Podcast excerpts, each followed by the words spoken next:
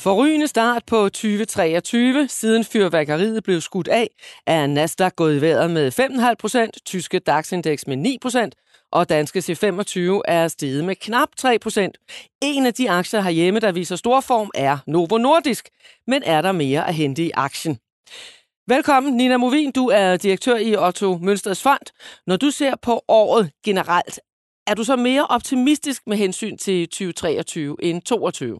Jeg tror, at 2023 bliver meget bevægeligt, volatilt, ligesom 2022 øh, desværre. Markedet ved ikke, det har været nytår, men det gør deltagerne selvfølgelig. Men øh, jeg tror på en mild recession og er rimelig positiv.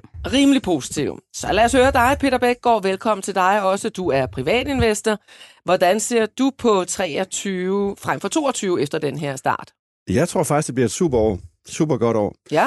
Øh, det kan godt være, at det bliver en lille smule volatilt, men jeg er faktisk i samme camp, at vi får formentlig en mildere recession. Jeg tror, at inflationen kommer ret meget ned, renterne kommer ned, og det kommer til at betyde, at aktierne, som vi snakker om, kommer til at klare sig rigtig godt i 23. Og med i studiet er også børsens investorredaktør Simon Kirketab. Simon, er du optimist eller pessimist? Jamen, det hjælper dig på det, vil jeg sige aktiemarkedet, det er jo sådan en størrelse, hvor at det, det kører ned med elevatoren og går op med trappen, og det er jo præcis, hvad vi uh, har set. Vi har gået rigtig godt op med den trappe her siden uh, oktober måned, og nu danske aktier er op 23 procent fra, fra bunden, så uh, det ser, da, det ser da bedre og bedre ud, og uh, jeg kan jo afsløre, at vores uh, portefølje her i podcasten, at uh, den har aldrig haft det bedre, end den har i dette sekund. Uh, spændende, det, det vender vi tilbage til. Selv. Velkommen til jer alle her i studiet, her i Møntergade, og velkommen også til dig, der lytter med. Altså en god start på året. I denne uges Investor Podcast skal vi se på muligheder for at hente noget af det tabte hjem igen efter sidste års massive lusinger. Vi skal blandt andet dykke ned i et mineselskab, en gummisko og en kommende dansk fusion, og så et par outsider aktier. Og så skal vi, som Simon lige nævnte, tage os kærligt af vores All-Star portefølje, som er kommet godt fra land i det nye år. Der er masser af emner at tage fat i, så lad os bare komme i gang. Mit navn er Tina Rising.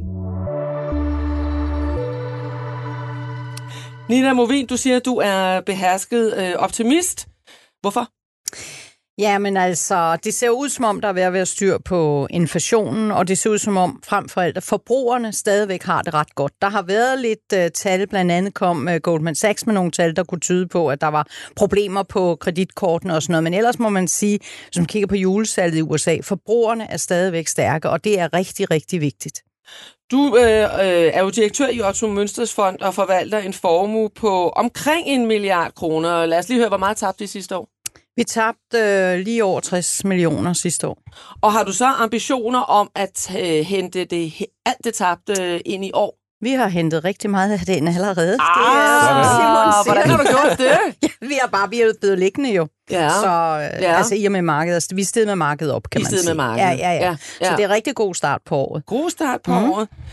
Øh, du har jo tidligere fortalt faktisk, at du har, øh, eller havde i hvert fald en meget stor cashbeholdning. Har du stadigvæk det? Ja, har vi stadigvæk, og jeg vil gerne se øh, første kvartalsregnskaberne. Vi er jo begyndt at få dem. Vi er begyndt i USA med, med JP Morgan og Goldman Sachs, som jeg nævnte, og der er sådan lidt blandede, blandede meldinger der, vil jeg sige, øh, især fra investmentbanking-siden. Men det er jo det, man siger i gamle dage, man skal arbejde for en investmentbank. Man skal ikke investere i den, og det har, det har Goldman Sachs i hvert fald ledet op til med kæmpe stigning i omkostningerne. Så lidt øh, bevæg. Jeg vil gerne se ja, var det her... ikke noget med et fald på over 60 procent driftsindtjeningen eller sådan noget? Øh, driftsindtjeningen sat satser, og omkostningerne var op med 11 procent, og det er jo fordi, de betaler store lønninger, etc. Det skal vi ikke mm, komme ind på. Mm. Jeg vil bare sige, at jeg vil gerne se første kvartalsregnskaberne, inden vi begynder at investere de sidste penge. Men selvfølgelig har vi ikke fået opturen her. Det skal vi jo være åbne omkring. Så, altså på de sidste På penge. det sidste. Så, ja. så hvad gør du lige i øjeblikket? Jeg skal lige se de der regnskaber, og de vælter jo ind øh, fra nu af, mm. faktisk.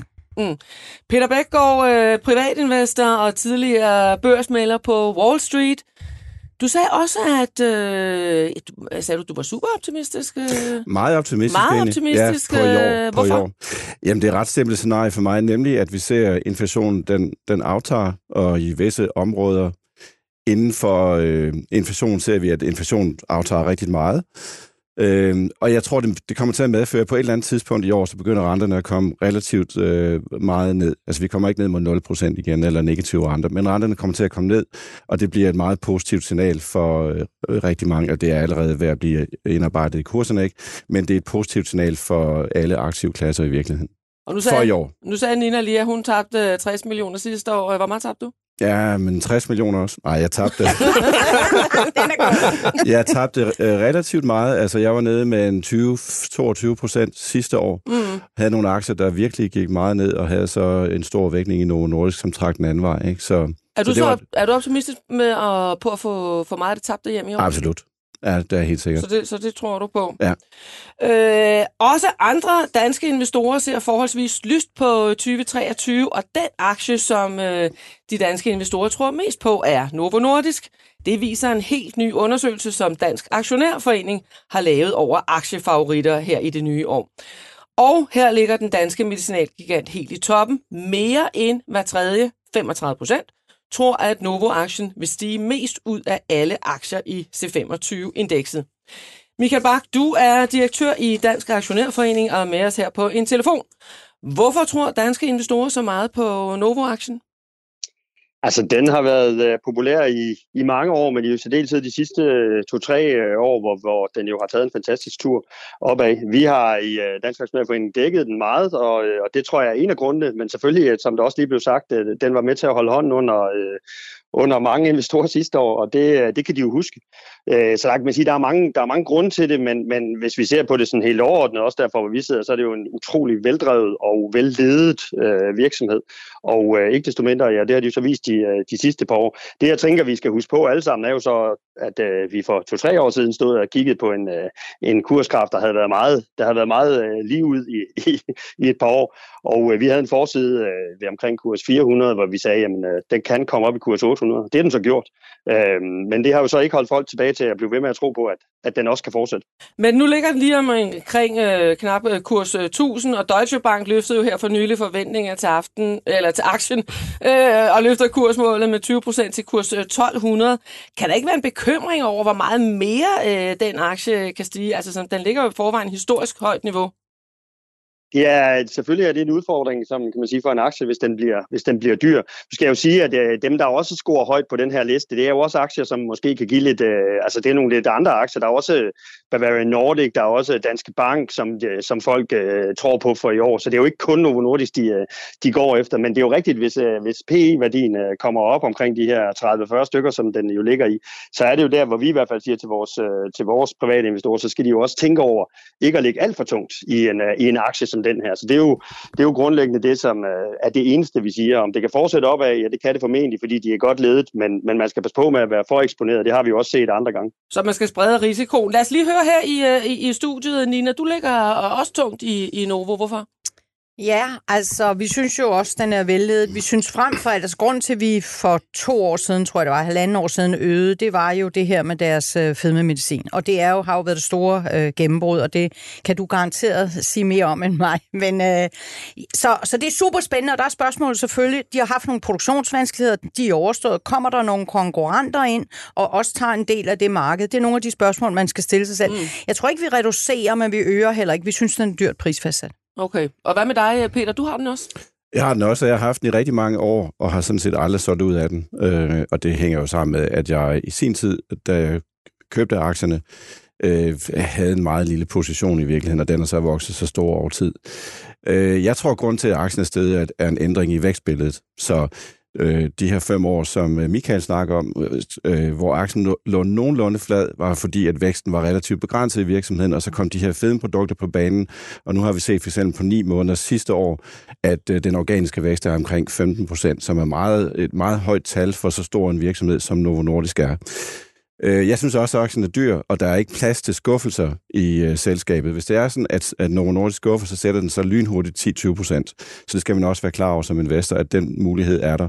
Når det så er sagt, så er der jo også nogle optioner for Novo Nordisk fremadrettet. For eksempel så forsker de inden for fedtlever, som kan være et kæmpe marked øh, fremadrettet. Så, så det, det er stadigvæk en aktie, jeg synes, øh, man skal have i sin, øh, i sin portefølje. Og det er jo fantastisk at se, hvordan der er kommet i gang i vækstraterne i Novo. Altså, den der flade periode, som øh, du snakkede om, Michael, den kom jo efter, at de, Novo faktisk tog et ret stort kursstykke sådan i, i midt øh, 2010'erne, hvor de var nødt til af flere omgange at nedgradere deres langsigtede øh, vækstmål. Det er virkelig fortid. Altså, øh, jeg prøvede at kigge lidt på tallene i den. Altså i 2019, der omsatte selskabet jo for 122 milliarder kroner. Inden længe, der regner aktionærerne med, at øh, vi er over 200 milliarder. Ja. Så øh, mm. det, løber altså, det løber altså rigtig, rigtig stærkt. Den her udvikling, hvor at øh, Novo jo er stedet igennem nedturen, har jo så også til gengæld gjort, at på det danske aktiemarked, den fylder jo helt ekstremt meget. Vi har C25-indekset, hvor den jo er kappet til at kun at udgøre en vis værdi, men hvis man kigger på det indeks, der hedder MSCI Danmark, som ligesom spejler hele det danske marked, så er Novo op og udgør 52 procent af den samlede mm. værdi ja, på det, det danske aktiemarked. Ja, ja. Og Novo præsterede jo 2.000 milliarder i markedsværdi ja. for nylig. Ja. Det så ja, det, det, øh, det kan noget. Øh, øh, mi, bare, bare en kommentar. Hvis ja. man også, øh, en af Novos konkurrenter, Lili, ja. som er jo inden for samme område som Novo Nordisk, og som også er, er i fedme, øh, har, har gjort det meget bedre end Novo Nordisk de sidste fem år aktiemæssigt. Altså Novo Nordisk performance har været helt fantastisk, men Lillis har været næsten dobbelt så god, som, som jeg husker det. Ikke? Så, så det er bare et vidnesbyrd om, at der er kolossal vækst inden for specielt øh, fedmeområdet. Ikke? Men Novo, selvom at de havde den kursdukker der øh, for 6-7 år siden, så for over de seneste 10 år har faktisk givet 20 øh, procent i, i gennemsnitlig årlig ja, ja, fantastisk. Det, det finder man altså ikke mange steder. Compounder. Øh, Michael Bak, øh, når nu er, at øh, så mange af de danske investorer, de, de siger, at de er, er, er lune øh, på Novo Nordisk, kan, kan du så ikke være bange for, at, at selve hele den her interesse er også en medvirkende faktor til at, at skrue øh, kursen op?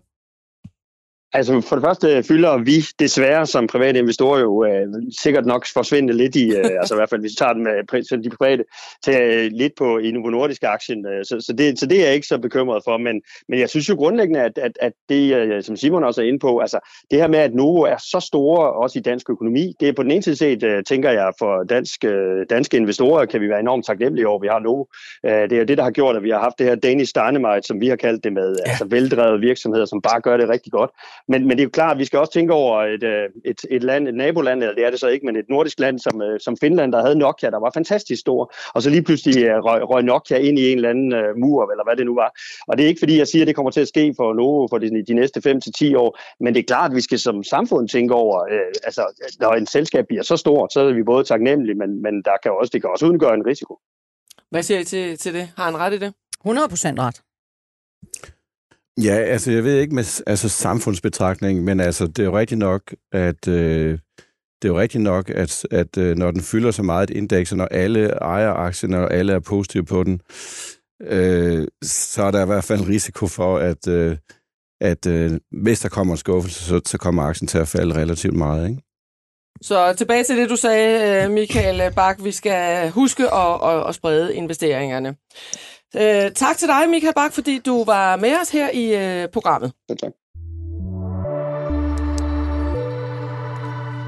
Året er som, som sagt øh, kommet godt fra start, og om lidt så får jeg her i studiet lov til at uddybe med et par måske øh, mere sikre kort, men i dag lad os tage det lidt omvendt. Jeg har bedt jer om at tage et par skæve aktier med, som der kunne være muligheder i. Nina, vi øh, lægger ud øh, med dig. Du peger på Ambu-aktien. Og Ambu er den mest shortede aktie herhjemme. Ambu faldt sidste år med 50 procent. Fik i foråret ny direktør, Britt Melby, som jo også sad i bestyrelsen. Nina, hvad kan du sige om den aktie? Ja, jeg kan se lige præcis det. De har fået en ny direktør. De har fået en ny strategi, Zoom In, som det hedder. Og de har, hvis man lytter til dem, fået, hvad jeg vil kalde en hands-on ledelse, øh, som siger, jamen det kan godt være, at vi har en masse gode idéer, vi har en masse nye produkter på vej, men øh, det er gået op for os inden for nogle af områderne i hvert fald, at det tager lidt længere tid at komme ud til kunderne og begynde at tjene penge på det her. Så vi bliver nødt til at zoome ind på det, vi tror, der kan give penge her og nu, kombineret med, at man ligesom har sat tæring efter næring, som jeg hørte, og, og øh, på den måde måske har fået en Måske er ambitionen lige lidt mindre, men den er til gengæld mere realistisk. Og det er mm. det, jeg synes, der er ret spændende, og derfor jeg ser den lidt som sådan en outsider-aktie. Øh, men da de kom med den nye strategi her, der var de jo, ja, der dykkede kursen jo voldsomt, fordi ja. de her konkrete vækstmål, Britt Melby så kom med, var jo ikke konkret på, hvornår man Nej. skulle opnå dem. Nej, præcis. Er du tilfreds med det som investor? Ja, altså jeg har siddet og, og lyttet også til, til Q&A'en og, og det ene med det andet, og det er klart, at de bliver selvfølgelig spurgt, jamen hvad er det så for nogle produkter, I ikke vil lancere? Hvad er det? Og der begynder det at blive sådan lidt fluffy, Ja. ja. det, er, det er jeg enig med dig i. Men øh, samtidig synes jeg, at øh, jeg synes dynamikken også i ledelsesteamet, og den måde, de svarer på, viser, at de er derude, og de er fokuseret på kunderne, og på hvornår de kan penetrere markedet med hvad, og hvad det koster. Så, så det er både øh, strategien, du har ligesom skåret lidt mere ind til benet, og så er det, at du har, har du mere tillid til den ledelse, der er der nu, end, end den forrige? Altså, jeg ved ikke, om jeg har mere tid. Jeg har mere tillid til hende, og det, Ja. hun siger. Jeg har altid godt kunne lide, det vil jeg så sige. Jeg har en svaghed for sådan nogle hands-on-ledelser. Det, det, det er en af mine sådan... Jeg kan godt lide, at de ved, hvad der foregår, de er derude. De forstår øh, butikken. Og så har de jo så åbnet en, en fabrik i Mexico og sådan noget, så der er også noget med supply chain, der, der kører lidt bedre. Men ham, den tidligere direktør, Jose González, eller jeg, kan, jeg er ikke 100 på, at øh, jeg husker navnet rigtigt, men han satte vel nærmest Danmarks rekord i øh, antal nedjusteringer. Ja, altså, jeg, jeg, det vil jeg meget nødt udtale mig om. Jeg kan bare sige, at jeg bedre lide den nye. Men der er vel heller ingen tvivl om, at den guidance, de har givet, Præcis. er ret konservativ, ikke? Så, så der er god chance, eller god sandsynlighed for, Ja, at de så er den at... shortet, som I siger. Så hvis der nu er Ja. ja. noget af det her, der, så kan den jo pludselig lave et lille hop. I gamle dage var det jo sådan en kursraket, der bare fløj op af og steg og steg og steg hver år. Så ramte de jo ligesom den her vækstmur, og den var jo enormt højt prissat. På et tidspunkt betalte man jo over 200 kroner for at få andel i bare en krones indtjening. Noget af det, der vil gøre mig nervøs, Nina, det er hvis jeg kigger på øh, den nuværende PE, altså prisen for en krones indtjening, den er jo stadigvæk enormt høj i mm. øh, selskabet. Hvis man kigger på øh, estimeret for, for det kommende regnskabsår her, så betaler du 74 Mm. kroner for en øh, krones indtjening. Jamen 100 Og så den gennemsnitlige for den nuværende indtjening i 25-selskaberne er 25. Enig, den er ganske højt prisfastsat stadigvæk. Det viser, hvor højt den har været. Den kan til gengæld også blive taget over. Nu er det ikke det, vi spiller på, men det kan den. Den er så lille, at den kan blive taget over. Jeg ved det, men øh, jeg synes stadigvæk, det er en sjov outsider. Og er det, har, har du været ude og købe op i den? Ja, vi eller? har, vi har aktien. Det skal jeg jo huske at sige. Uha. Ja, ja. ja. Ja. Vi købte øh, lidt lige inden øh, den her strategi kom, fordi hun havde været ude i pressen inden, og så kom den officielle strategi, og så adderede vi en lille smule. Men der kørte den faktisk ned. Jeg var bange for en øh, kapitaludvidelse. Ja. Det var det, der var min største angst. Men den kom så ikke, Men, og det som der, jeg husker det. Og, nej, det gør den ikke. Nej. Og, og det cash, du har på sidelinjen, er du så klar til at, Nej. at købe yderligere op Nej, i den? jeg ligger der, hvor jeg skal i den. Det er jo en lille, Ja. ja. en lille position. det, Du har overvejet den på et tidspunkt også til Ja. vores portefølje her Ja, det var godt, jeg ikke gjorde det. Ja, det er vi glade for. øh, og hvad, hvad siger du, Peter, til, øh, til Ambo? Øh, ja, altså jeg kan sagtens se den investeringscase, og når Simon siger, at den handler på 74 gange indtjening for i, for i år, Nej, kom nu over, ja. for det kommende Ja. år, for det her kommende ja. regnskabsår, men så vil jeg sige, det, det er ikke så relevant, fordi det er baseret på meget konservativ guidance. Det er sådan mere, hvad kan de nå 3-5 år ude, og der er jeg sikker på, at aktien ser billigere ud. Øh, så jeg, jeg tror egentlig på, øh, at aktien kan være en rigtig god outsider også. Altså vi har jo set nogle af de der aktier, der er bumpet helt ud, når de så vender, så får vi en meget, meget kraftig positiv performance for, Mm. mm. for, for de aktier. Ikke? Jeg er ikke selv villig til at købe den, det må jeg sige. For, for stor risiko mm. i, i den aktie for mig. Ikke? Ja. Okay. Du har også, jeg har også bedt dig om at tage en øh, skæv aktie med. Du har taget Lundbæk aktien Ja, ja. med. Hvad, hvilke muligheder ser du i det? Jamen, altså, det er jo lidt anderledes end den, som øh, Nina snakker om, på den måde, at Lundbæk er i min bog ret billig. Altså, hvis man kigger på enterprise value til EBIT for, for sidst, altså for 22, så ligger den på under øh, lige omkring 10 gange indtjening. Ikke? Og det er jo et selskab, som øh, alle investorer elsker at, at have, fordi deres øh, kommunikation til investorer, synes jeg er ret svag, og de tiltag, de har taget imod aktionærerne, synes jeg også har været ret negative, har jo blandt andet ført til en opdeling af aktieklasserne, og mm. ATP for eksempel valgte at sælge helt ud. Mm. Men når man så kigger på, hvad der rent faktisk foregår i virksomheden, så øh, vokser de rent faktisk ret pænt. På ni måneder vokser de organisk for hele bæksen øh, 6%, men de strategiske brands, som de har, vokset cirka 20%. Øh, og de har fået godt gang i deres migræneprodukt, som øh, de jo købt fra Alde, plus at de jo at de har fejlet, altså de har lige ansøgt om godkendelse for deres Alzheimer's-middel øh, i, i aggression øh, indikationen og fået, øh, hvad det hedder, et fast track review af FDA, hvor vi så ved i maj, om de bliver godkendt eller ej. Og det er endnu en, en positiv trigger i min bog for aktien. Aktien gjorde ingenting på den, på den offentliggørelse. Så øh, jeg tror godt, at man kunne forestille sig i løbet af i år, at, at markedet vågner op til, at aktien for det første er billig, og at selskabet vokser. Og hvis de så i oven i købet kunne blive mere investor-friendly, så, øh, så tror Altså jeg... bedre til at kommunikere Ja. til markedet. Yes. Mm. Og, så, og så for mig at se, er den helt store altså risiko i selskabet af kapitalallokering. Ikke? Spørgsmålet er, om de føler, fordi gælden er næsten nedbragt, de har 3 milliarder Ja, de kroner snakker opkøb måske. Ja, altså spørgsmålet er, om de kan om de kan lade være med at foretage nogle for dyre akquisitioner. Jeg har kigget på Alder, da de købte Alder. For mig ser det ud til at være en rigtig dyr akquisition der. Altså, de, jeg tror, de overbetaler for det aktiv. Hvis de gør det igen, så er aktien død. Hvis de ikke gør det, så er der kæmpe upside i Lundbæk. Altså, det kan sagtens være en dobler også herfra. Men Peter, hvis jeg lige sådan skruer tiden tilbage oven i mit hoved, så da vi lærte hinanden at kende i Mhm. 2016, Mm. der sad vi øh, hjemme i dit køkken og drak en kop kaffe, og du fortalte mig om den her kongehandel, du havde lavet i Lundbæk. Mm. På en rigtig, rigtig god øh, kurs, og aktien den kørte opad, og den fortsatte opad. Men øh, den er jo så faldet øh, over 70 procent fra toppen i 18. Mm. Hvad er der egentlig sådan præcis gået galt siden? Jamen, det er jo sådan set... Øh, jeg købte den, da Kåre Schultz blev administrerende direktør. Ikke? Og jeg kan huske, at jeg gik til investormøde med ham, og han sagde, Lundbæk har 15 milliarder kroner i salg, og de har 15 milliarder kroner i omkostninger. Det går jo ikke. Og så lynhurtigt fik han forvandlet øh, deres nul øh, resultat på indtjeningen til en 3-4 milliarder i, øh, i EBIT. Ikke? Så det jo det, der drev kursen op. Siden da tror jeg bare, at så, så smuttede Kåre, og aktien ja. begyndte at falde. Og så har de haft nogle patentudløb, som har gjort, at de har svært ved at vokse den samlede toplinje for, for forretning. Ikke? Men hvis man kigger på Lundbæk i dag i forhold til rigtig gamle dage, så har de jo meget, meget bredere øh, produktportefølje, end de havde dengang, for så vidt angår salg, og deres pipeline ser sådan set okay ud. Altså, det, de mangler nogle produkter, men det ser sådan set okay ud i forhold til, hvad den har gjort. Så, de, så jeg synes faktisk, de gør det okay på den oper- operationelle side. Ikke? Har du været inde og købe op i den? Nej, jeg ejer den, desværre. Du ejer den. Ja, ja, altså, Simon Stadigvæk. har ret. Altså stadigvæk. Hvad siger, hvad, hvad, hvad siger du, øh, Nina, til, øh, Jeg til Lundbæk? siger, vi har den ikke. Men øh, jeg har kigget meget på den, og det har jeg ud fra... Jeg, jeg er meget enig i analysen der, men den er jo faldet i unåde. Vi har jo at gøre med en aktie her, der simpelthen bare er faldet i unåde. Folk kan ikke lide det, folk kan ikke lide det, der er sket med de forskellige aktieklasser.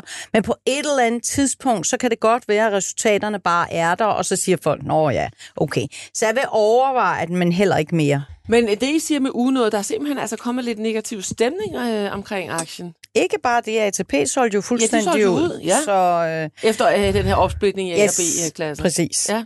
Og det er jo atypisk, og det er jo også en lille smule old style måske. Ikke? Altså, vi går lidt tilbage til en tid, jeg kan huske i hvert fald. Så jeg, og, og så noget med unåde, det har det med at gå over. Det tager et par år, og så glemmer folk Okay, det. Så ja. hvis de leverer, hvis der kommer nogle gode resultater, bum, så kører aktien. Okay.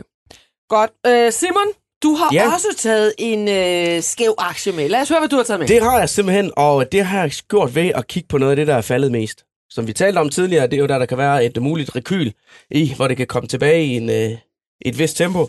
Og det er simpelthen Netcompany. Endnu et øh, C25-selskab her. Virkelig en aktie, der stormede fremad fra det øh, kom på børsen for 5-6 år siden, eller sådan noget, tror jeg. Øh, og øh, en rigtig investor darling, og folk de flokkede sig aktien, og tårnhøje vækstrater. Og så er vi jo lidt ude i det der med en høj PE. Prissætning på øh, Netcompany blev virkelig også drevet op, og det er jo lige præcis den type aktie, der har haft det ekstremt hårdt her, mens renterne de kørte op.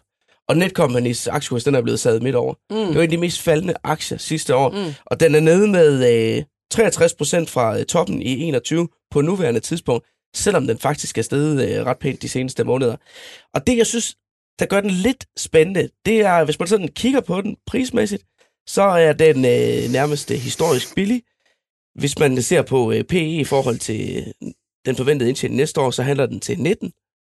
Og som jeg sagde tidligere, så 25 ligger gennemsnitligt på 25. Øh, det er jo øh, for en vækstaktie ikke tosset.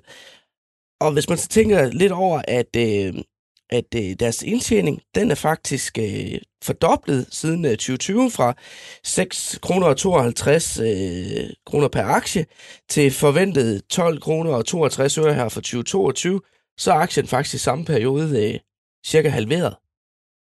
Det ligner da et godt tilbud. Ja. er det noget, I andre vil købe? Altså, vi har den, og øh, vi har jo et kæmpe tab på den. Det er en, det er en lille position, jeg købte sent. Så jeg knyder lidt salt i såret her. Det gør du. Nina, ja. Og jeg vil Ja, sige en ting. ja. Jeg var inde og høre dem dengang, de blev børs introduceret, og der var jeg sådan ret vild med dem, og der købte jeg dem ikke, og det skulle jeg have gjort, så det er jo fortrudt. Nej, altså de har jo været ude med nogle underlige meldinger ind imellem sådan noget, men nu kunne de ikke skaffe personale, og altså der har været sådan lidt, lidt mærkelige Ej, meldinger. de kom med nogle svage regnskaber Ja, sidste også? Godt, så jeg husker ikke helt galt. Nej. Og der blev jeg sådan lidt, uh, men jeg tror også godt på, at de kan komme igen. Ja, altså, jeg synes også, den er interessant. Altså noget af det, man lige skal øh, huske, når man kigger på udviklingen i EPS, det er, at noget af det er forårsaget af organisk vækst, og noget af det er, fordi de har tilkøbt sig til, Ja. ja. til vækst. Ikke? Så man skal lige have for øje, hvad de så også betaler for det, de køber. Øh, men altså, de er jo i gang med at integrere nogle af de der selskaber, de har købt, og det kan jo godt give et løft, øh, fordi de er ret gode til det, som jeg forstår det. Det kan godt give et løft i indtjeningsmarginen. Og, der, og det tror jeg for eksempel kan komme til at drive aktien, ikke? Og de havde nogle problemer med sygdom og sådan noget i, var det tredje kvartal. Mm. Så jeg synes også, den er spændende, det må jeg sige. Jeg har ikke, købt, jeg har ikke købt den. Hands-on Men- ledelse. Hands Men det er klart nok, de vækstrater, de kunne fremvise tidligere, det er lidt nogle andre tal, de har i dag. Altså, øh, det forventes, at deres øh, omsætning den går fra 5,5 milliarder i 2022 til 6 milliarder i 2023. Og det, er jo ikke, det går ikke lige så stærkt, som det gjorde, dengang de, de lige kom på. Nej. Så var det en af dem, øh, som du tabte nogle af de 60 millioner på Ja. sidste år, Nina? Ja. ja. Desværre. Så, så det går ondt at tale om. Men måske, måske er der basis for at uh, Revival. revive. Ja. Så lad os dykke ned i øvrige aktier og sektorer, som I mener, der er interessante at se nærmere på her i det nye år. Et år, hvor inflation og renten jo stadigvæk bliver de store udfordringer og måske en mulig recession på vej. Nina, du har blandt andet kigget på råvarer og Boliden jo, som er et svensk mineselskab. Hvorfor er Boliden interessant?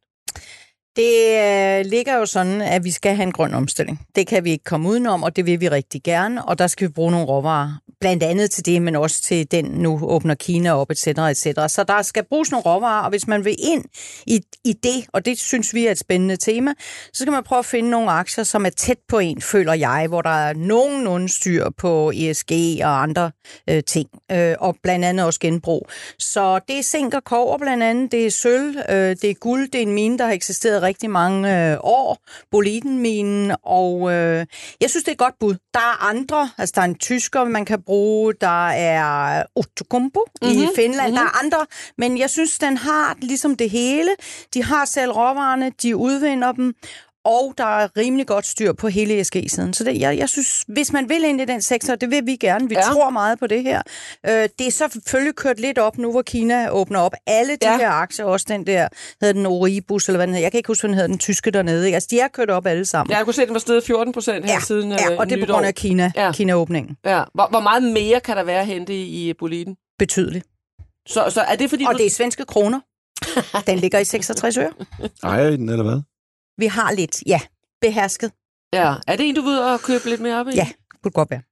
Og, øh, og det er fordi, du, du tror simpelthen på, at der bliver større efterspørgsel på, øh, på metaller. Ja, og jeg tror, man skal have en metaleksponering i det år, vi går ind i, og sådan set også til næste år. Altså 24.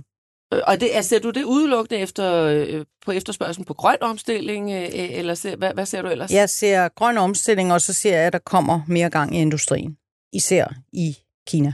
Okay. Og de er jo den store indkøber. Øh, hvad, hvad siger du øh, til den, Peter? Det lyder rigtigt, siger jeg. Ja, Det lyder fornuftigt. det kunne også være noget for dig måske. Ja, jeg skal kigge på, på selskabet. Ikke? Altså, jeg er ikke øh, klar over, hvor cyklisk det er, øh, men Meget. det tyder på, at det måske er det rigtige tidspunkt i cyklen at købe det på, ja, Ja, så til gengæld. præcis. Ikke? Derudover, Nina, så har du også kigget på forbrugssektoren. Øh, folk sparer jo lidt penge i øjeblikket, men skal selvfølgelig også have, have nye øh, forsyninger. Du har blandt andet øh, kigget på en øh, gummisko. Adidas har Ja. ja. jeg kigget rigtig meget på. De skal jo have ny øh, chef. Det lavede, eller har lige fået. Gulden, en, en, øh, en norsk fodboldspiller, tror jeg han var. Det, det er muligt, I ved mere om det. Han har været i Pandora engang, ikke? Jo. Øh, ja, ja, han har været flere Ja. ja. steder. Jeg tror også, han har været i Puma, ikke? Var det ikke der, han var sidst? Han er jo også kendt for sådan noget hands-on-ledelse og gå ud og helt ud på gulvet og finde ud af, hvad der foregår, og har sagt mange sjove ting i den sammenhæng. Noget med, når han er ude at besøge de forskellige enheder, så kommer han med alle mulige idéer, og heldigvis følger de ikke alle hans idéer, siger han. Det synes jeg jo i sig selv. Og det er nok det, selskabet har brug for nu. Ikke? Ja. Ja. Der, er, der er de blevet ramt af en hel række eksterne katastrofer, øh, vil jeg sige. Herunder selvfølgelig øh, er de kommet i problemer i, i Kina. Det er der mange, der, der har været nedlukning. Der har også været andre problemer. Øh, så de har brug for en leder, der tør gå ind og snakke med folk og få en kreativ proces i gang. Det, de er rigtig gode til, det er hele deres online-segment øh, og, og salg på, på, på nettet. Det er de blevet rigtig gode til. Øh, og så tror jeg, øh, ja, så er der så noget med, hvilke spillere har de, har de Messi tilknyttet, og sådan noget, mm. hvor mange øh, celebrities kan de være. Altså, der er en hel masse omkring det der, hvor, hvor der også har været nogle issues. Men det, man samlet kan sige, det er, der har været rigtig mange problemer. Jeg tror faktisk godt, han kunne være manden, der kommer ind og løser det, og jeg tror meget på forbrugerne, også den amerikanske forbrugere, og jeg tror meget på den lille luksus. Så kan du sige... Den lille luksus. Ja, altså, Altså, det- en t-shirt, Ja. ja. 300 kroner, eller hvad, ikke? Altså, det, det tror jeg meget på, at det som... Er det det, man folk har stadigvæk- råd Ja, til, øh, hvis der kommer en øh, form for Så det synes jeg er sjov. Ja, og du, jeg noterer, at du igen, så taler du meget om ledelsen. Det er ja. Ja. ligesom et, et parameter, der er Absolut. vigtigt for dig. Helt afgørende. Det var jo en aktie Adidas, der faldt øh, 41 procent øh, sidste år. Øhm, Endnu en bundfisker. ja. Ja. Så du er jo, ja, lige præcis, du, du er lidt ude og kigge på, hvor kunne mulighederne være? Ja, altså jeg har lige øh, fået implementeret på min telefon det der 52-week low. Nej, nej, ja. Jeg kigger på det der. Selvfølgelig gør jeg det. Men Ja. det er mest det der med ledelsesskift. Det kan Ja. ja. jeg godt lide. Ja. Så sker der noget nyt, så, fordi det er jo noget helt konkret. Og han har en rigtig god track record. Men Ja. det der kommer til at tage tid. Det vil jeg godt lige understrege. Der skal man have lidt uh, tålmodighed der. der skal man være lidt tålmodig. Okay. Peter, vi øh, skal høre, hvad, hvad du har kigget på. Du har jo kigget på den her forestående fusion mellem Novozymes og Christian Hansen. Har Ja. du været ude og købe op? Nej, jeg har kigget på den. Nu har jeg kigget på den, og skal jeg fortælle, hvad mine konklusioner er, som jeg ser det. Ja, for du talte om den sidste uge herinde, også, så nu jeg. vil du gå hjem og regne på den. Ja. Mm. Så, så det, der er jo sket siden, at den her fusion eller sammenlægning bliver annonceret, det er, at Novozymes er faldet cirka 20 procent, og Christian Hansen er faldet cirka 20 procent. Så markedet er sådan set ikke super tilfredse med det, der foregår, andet end, man kan sige, at Christian Hansen er aktierne er oppe i forhold til den annoncering der. Hvis man kigger på værdiansættelsen af de her to Peter, virksomheder... undskyld, du sagde, at de var nede 20 procent begge to. Ja. Fra annonceringen? Ja. Okay. Nej, nej, forkert. Ja. Undskyld. Forkert. Ja. Fra toppen. Ja. På Christian Hansen, ikke? For den steg ret kraftigt. Okay. Undskyld, korre- korrektion. Ja. Det er Novozymes, der er nede 20 procent. Hvis man kigger på øh, Christian Hansens værdiansættelse i dag, så bliver den handlet til cirka 40 gange indtjening. Og det vil sige, at jeg har svært ved at se, at der skulle komme et alternativ konkurrerende bud på Christian Hansen, fordi aktien er simpelthen for dyr. Det er svært at se for en, der overtager den virksomhed, hvad de skal kunne skabe af værdi. Hvis man ser på Novozymes, så handler den på cirka 25 gange indtjeningen på, på EPS, så den ser mere attraktiv ud. Og så skal jeg prøve at stille et spørgsmål. Hvis man tager Novozymes indtjen- forventede indtjening i 2027, øh, og man lægger øh, Christian Hansen til, hvor meget ekstra indtjening per aktie tror jeg så, det giver i 2027, baseret på forventede estimater? Ja, det var et godt Nul. spørgsmål. Ja. 0. Okay. giver ingenting, fordi man får øh, indtjening fra Christian Hansen oveni, men man skal til at udstede 42-43 procent flere aktier. Ja. Det lyder heller ikke særlig attraktivt Nej. I min bog. Så den måde, man skal spille på det her på, hvis man vil, synes jeg, eller er, er nået til i konklusion, det er, hvis man vil have en eksponering, skal man købe Novozymes. Fordi hvis den her handel ikke går igennem, og det er der selvfølgelig en risiko for, så kommer Novozymes til at stige, og Christian Hansen kommer til at falde. Og jeg tror ikke på det der konkurrerende bud på Christian Hansen. Så kan man købe sig ind i den samlede enhed øh, via Christian Hansen og få en lille rabat på en 5-6 procent. Men man skal vente et års tid på, at den her handel øh, øh, Mm, mm, kommer igennem, mm. og der er alle mulige risikofaktorer. Ja, den bærer kursrisikoen, hvis ikke det... Fu- fuldstændig, Ja. ja. ikke? Så, så egentlig så er jeg ikke, og jeg, jeg er nervøs for, at ak- begge aktier kommer til at ligge flade i år. Øh, så jeg er ikke fuldstændig varm på, på nogle af de to aktier, selvom jeg så sagde, at jeg vil kigge på dem der øh, i december. Ikke? Jeg er ikke fuldstændig varm på nogle af dem, men hvis jeg skulle købe en af dem, ville det være Novozymes i dag. Mm, du har været hjemme og regne på det simpelthen. Jeg vil hjemme og kigge på det. Ikke? ja, ja. Og jeg synes, det er interessant, at man kan lave... Altså, det grundlæggende problem med det her er jo, at det, det er en transaktion, eller det er en sammenlægning, der giver mening, industriel mening, men jeg mener helt klart, at, øh, at øh, hvis man kigger på det fra Novozymes aktionærens side, så bliver der overbetalt for det aktiv, der hedder Christian Hansen. Er der noget nyt uh, ude om, uh, om fusionen? Ved vi, hvor langt de er, er kommet? Nej, nu sidder vi jo bare og venter. Ja. Mm. Altså, Mm. Det skal jo stemmes igennem på generalforsamlingerne, ikke? Jeg ved ikke engang, hvad datoerne er for det. Mm-mm. Hvad, hvad tænker du, Nina? Jeg tænker, jeg har faktisk fulgt det, og jeg, det var et godt retorisk spørgsmål. Du havde os helt ude på kanten af stolen der. Hvad, hvad bliver det? men, øh, men hvis vi lige ser bort for det, så vil jeg hellere sige, hvad jeg gjorde. Jeg solgte Christian Hansen på dagen. Jeg var lidt øh, langsom. Jeg har sikkert haft noget andet, så inden jeg fik kigget på skærmen, så okay, ud med den. Ja. Og jeg har beholdt Novozymes. Ja. Jeg tror, og- og det er jo sådan en af de der aktier, hvor jamen, det har det hele, det har enzymer, hvis du kigger på deres palette af patenter, og det har det hele, men det flytter sig bare ikke. Ikke i den hastighed, jeg godt kan lide. Så jeg tror, jeg holder fast i Novozymes, så lytter jeg lidt til, hvad du siger. Men jeg er ikke vildt begejstret. Nej.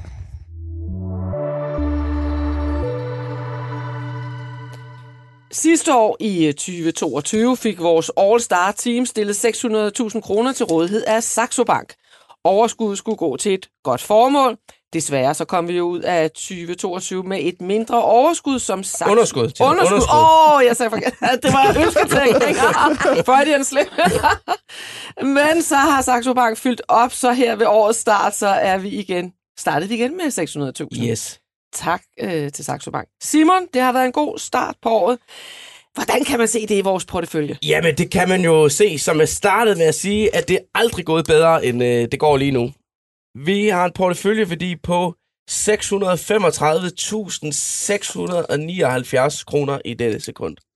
Så det er jo egentlig, øh, det er jo egentlig meget godt.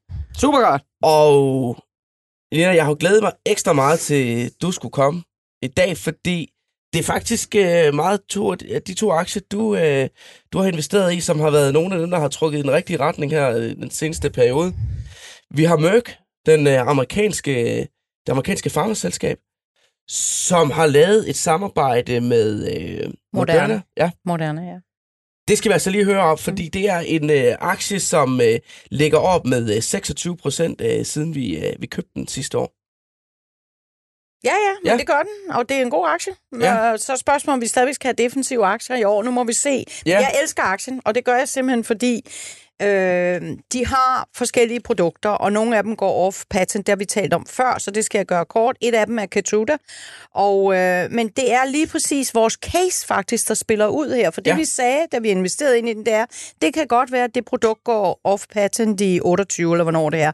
Men det produkt i kombination med andre produkter har nogle øh, store kvaliteter, og det de kan med Moderna, og jeg er ikke farmaanalytiker, så det kommer til at lyde meget. Men det er noget med, at de kan gå ind og specifikt sige, at den her patient har den her form for cancer, nu er det i første Ja. omgang hudcancer, øh, og så vil vi behandle patienten sådan her. Det er meget simplificeret forklaret. Og der tror de, det er jo så kun i fase 3, så det her kan jo også gå Ja. den anden vej. Det Men- set før. Ja, det er set før. Men så tror de også, at de måske kan gå ind og angribe andre tumorer hos patienter på sigt. Så man kan sige, hvis det her lykkes, er det et kæmpe gennembrud, men vi er der ikke helt endnu, men vi er langt. Så det var casen. Ja. Samarbejder med de her superprodukter, som Merck har. Men har casen så udspillet sig? Nej, jeg tror, der er meget mere i den, men jeg tror godt, at vi kan få et setback, så jeg går der lige og overvejer, ja. om jeg... Og det var lidt også en Den har 22. ligget flat siden nytår, så Ja, det er præcis. ikke den, der ligesom har Nej, bidraget til... Jeg tror øh, ikke, Pharma kommer til at køre så meget i år. Det må jeg sige. Så jeg overvejer lidt, om vi skal have noget Adidas Okay. eller sådan noget. Mm. Ja, okay. Ja, ja. Men Ja. Så er der ABB, Ja, som vi den. købte ind i Ja. øh, efteråret. Ja. Og den, synes jeg, den virkede lidt kedelig til at starte med. Den lå ret flat. Ja, og jeg Men- havde jo danske, som er gået ret godt. Så. Ja, og den vender vi lige tilbage Ja, til, når ja. vi lige er færdige med Ja, at ja. snakke om øh, ABB, fordi der har jeg en lille, en lille nyhed med der omkring den. Nå. Øh, ABB er op med 13 procent øh, over til dato, så øh, der er Mm. fart over, over den. Den har ramt øh, all-time high. Mm. Mm. Det er et selskab, der øh, laver systemer til auto... Hvad nu kan jeg slet ikke sige det. Auto... Tisering. automatisering, ja. Der var den. Ja, Ja. Verdens største, en af verdens største Ja. ingeniørvirksomheder, øh, som især er inden for alt omkring elektriske ting. Altså lige fra biler til, øh, til motorer, til alt. Og det er jo en B2B. Altså vi sælger, her er vi ude tung sværindustri. Vi sælger til andre industrivirksomheder, der gerne vil have nogle af deres gamle motorer for eksempel skiftet ud til en elmotor. Til oplader, til alting. Det er en konglomerat, og det er faktisk ikke noget, jeg er særlig vild med. Øh, det her konglomerat har så bestemt sig til også at sælge fra. De har lige øh, slutningen af 22 børsnoteret de en af deres Ja. enheder og sådan noget. Men de køber også til hele tiden. De har simpelthen en hjemmeside, hvor der står køb og salg af virksomheder. Man bliver helt rundt, så, så når man kigger på den. Det, det viser jo bare, det er 100 med 145.000 ansatte. Altså, det er en kæmpe virksomhed, det her. Og øh, jeg vil sige, den skal måske også ud igen allerede. Nå. Efter 13 procent op. Oh, du, du er lidt vild i dag, øh. Langsigtet Daytrader. sige, den handles jo i svenske kroner.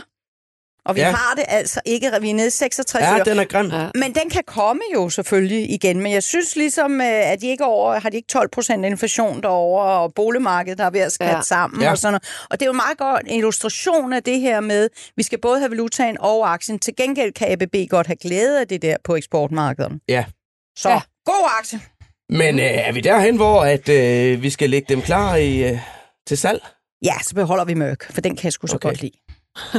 Har du allerede har du Ja, ja, det gør du Adidas, eller hvad? Ja, ja. Ja, okay. Ja, ja, Nå, det den må vi have bare. slået, den handel så. Ja, ja. Peter, øh, vi viskede tavlen ren ved nytår, så øh, dine to aktier, Biogaia og Elekta, de klarede sig ikke så godt sidste år, men de har klaret sig rigtig godt i år, så nu kan vi jo tage de positive briller på. Biogaia er op med øh, 5.000 kroner, og Elekta det samme, og vi startede med at købe for 50.000 kroner i hver aktie. De er vel oppe med cirka 14-15 procent i år, ikke? Ja. Begge to. Det er de. Ja. Altså, man kan, og der er jo egentlig ikke nogen forklaring på det. Nej. så, øh, altså man kan sige, at det er to forskellige selskaber på den måde øh, performancemæssigt sidste år, fordi, som vi har snakket om, BioGaia operationelt gjorde det rigtig godt. De har opjusteret tre gange og leveret resultater, som var langt bedre end forventet. Ikke? De har også, de sidder stadig på en en halvanden milliard svenske kroner i cash, som de enten kommer til at bruge på øh, akquisitioner, som de har rejst kapitalen til, altså de har ikke nogen gæld, eller også kommer de til at udbetale dem til aktionærerne. Ikke? Og hvis de justerer for det, så er aktien faktisk relativt øh, billig. Elektra er en lidt anden historie, altså som jo øh, er sådan en langvarig underperformer ledelsesmæssigt, men som blev for billig sidste år, synes jeg. Ja. Og, øh, og et af deres store markeder, blandt andet Kina, Kina åbner op, så det bliver nemmere for dem at sælge deres systemer i Kina igen. Øhm, om de har styr, og de har et øh, omkostningsbesparelsesprogram i gang, så det kunne godt være, at vi ser noget momentum på indtjeningssiden her i, i 2023. Ikke? Om vi skal beholde den, det må vi lige prøve at finde ud af hen ad vejen. Der går vi lige i tænkeboks. Ja. Og det er så, jo altid rart, når man er i plus på den. Det er jo Ja. ja. en usædvanlig følelse at være i plus på Elektra. Det kommer an på, øh, hvad målepunktet er jo. Så, fordi jeg kan da sige, øh, hvis jeg lige skal svinge lidt over i det negative, så, øh, så er vi altså stadigvæk, øh, så er vi altså stadigvæk nede med 5% på den, fra, øh, fra vi købte den. Ja. Er det i svenske kroner eller danske? Det er i danske. Altså, der er noget valuta Ja. der også, ikke? På både den og... Ja, valutaen, så har vi tabt yderligere 5%. Nærmest, tror jeg. Ja. Nå, okay. Ja. Og jeg tror, at BioGuy er tilbage til 0, ikke? Jo. Det var det, Det vi i. USA kaldte a bumpy ride to zero. Ja. så kører den den er god. og så kæmper den sig op igen. Ja. Bumpy ride to zero. Ja. Nå, og så øh, er det comeback til Danske Bank i porteføljen. Nå, Ja, det er det simpelthen. okay.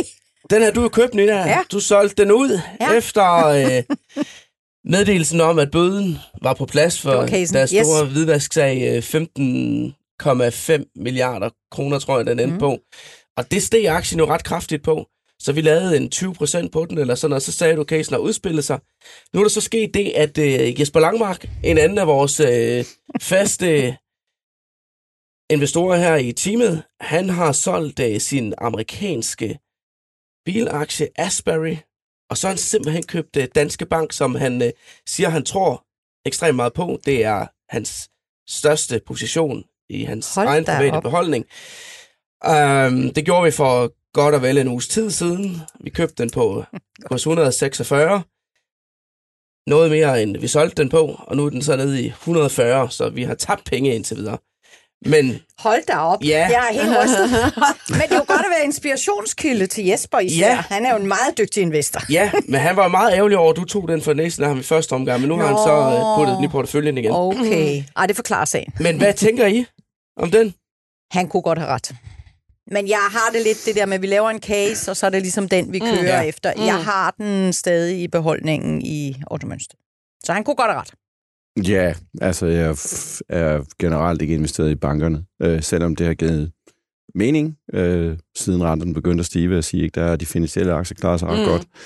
Altså, jeg, Jeg har er ikke, din gamle arbejdsgiver her, Peter. ja, jeg ved det. Altså, jeg har jo ikke, altså, jeg har jo ikke rigtig indsigt i bankernes balancer og deres forretninger i virkeligheden. Det er ekstremt komplekse forretninger, ikke? Og det er nogle forretninger, som er meget regulerede. Man kan sige, man kan tage de overordnede briller på og sige, okay, renterne stiger, så skal man eje finansielle aktier, og det har jo selvfølgelig udspillet sig rigtig godt for mange af de, for mange af de der selskaber, vi, vi kender til.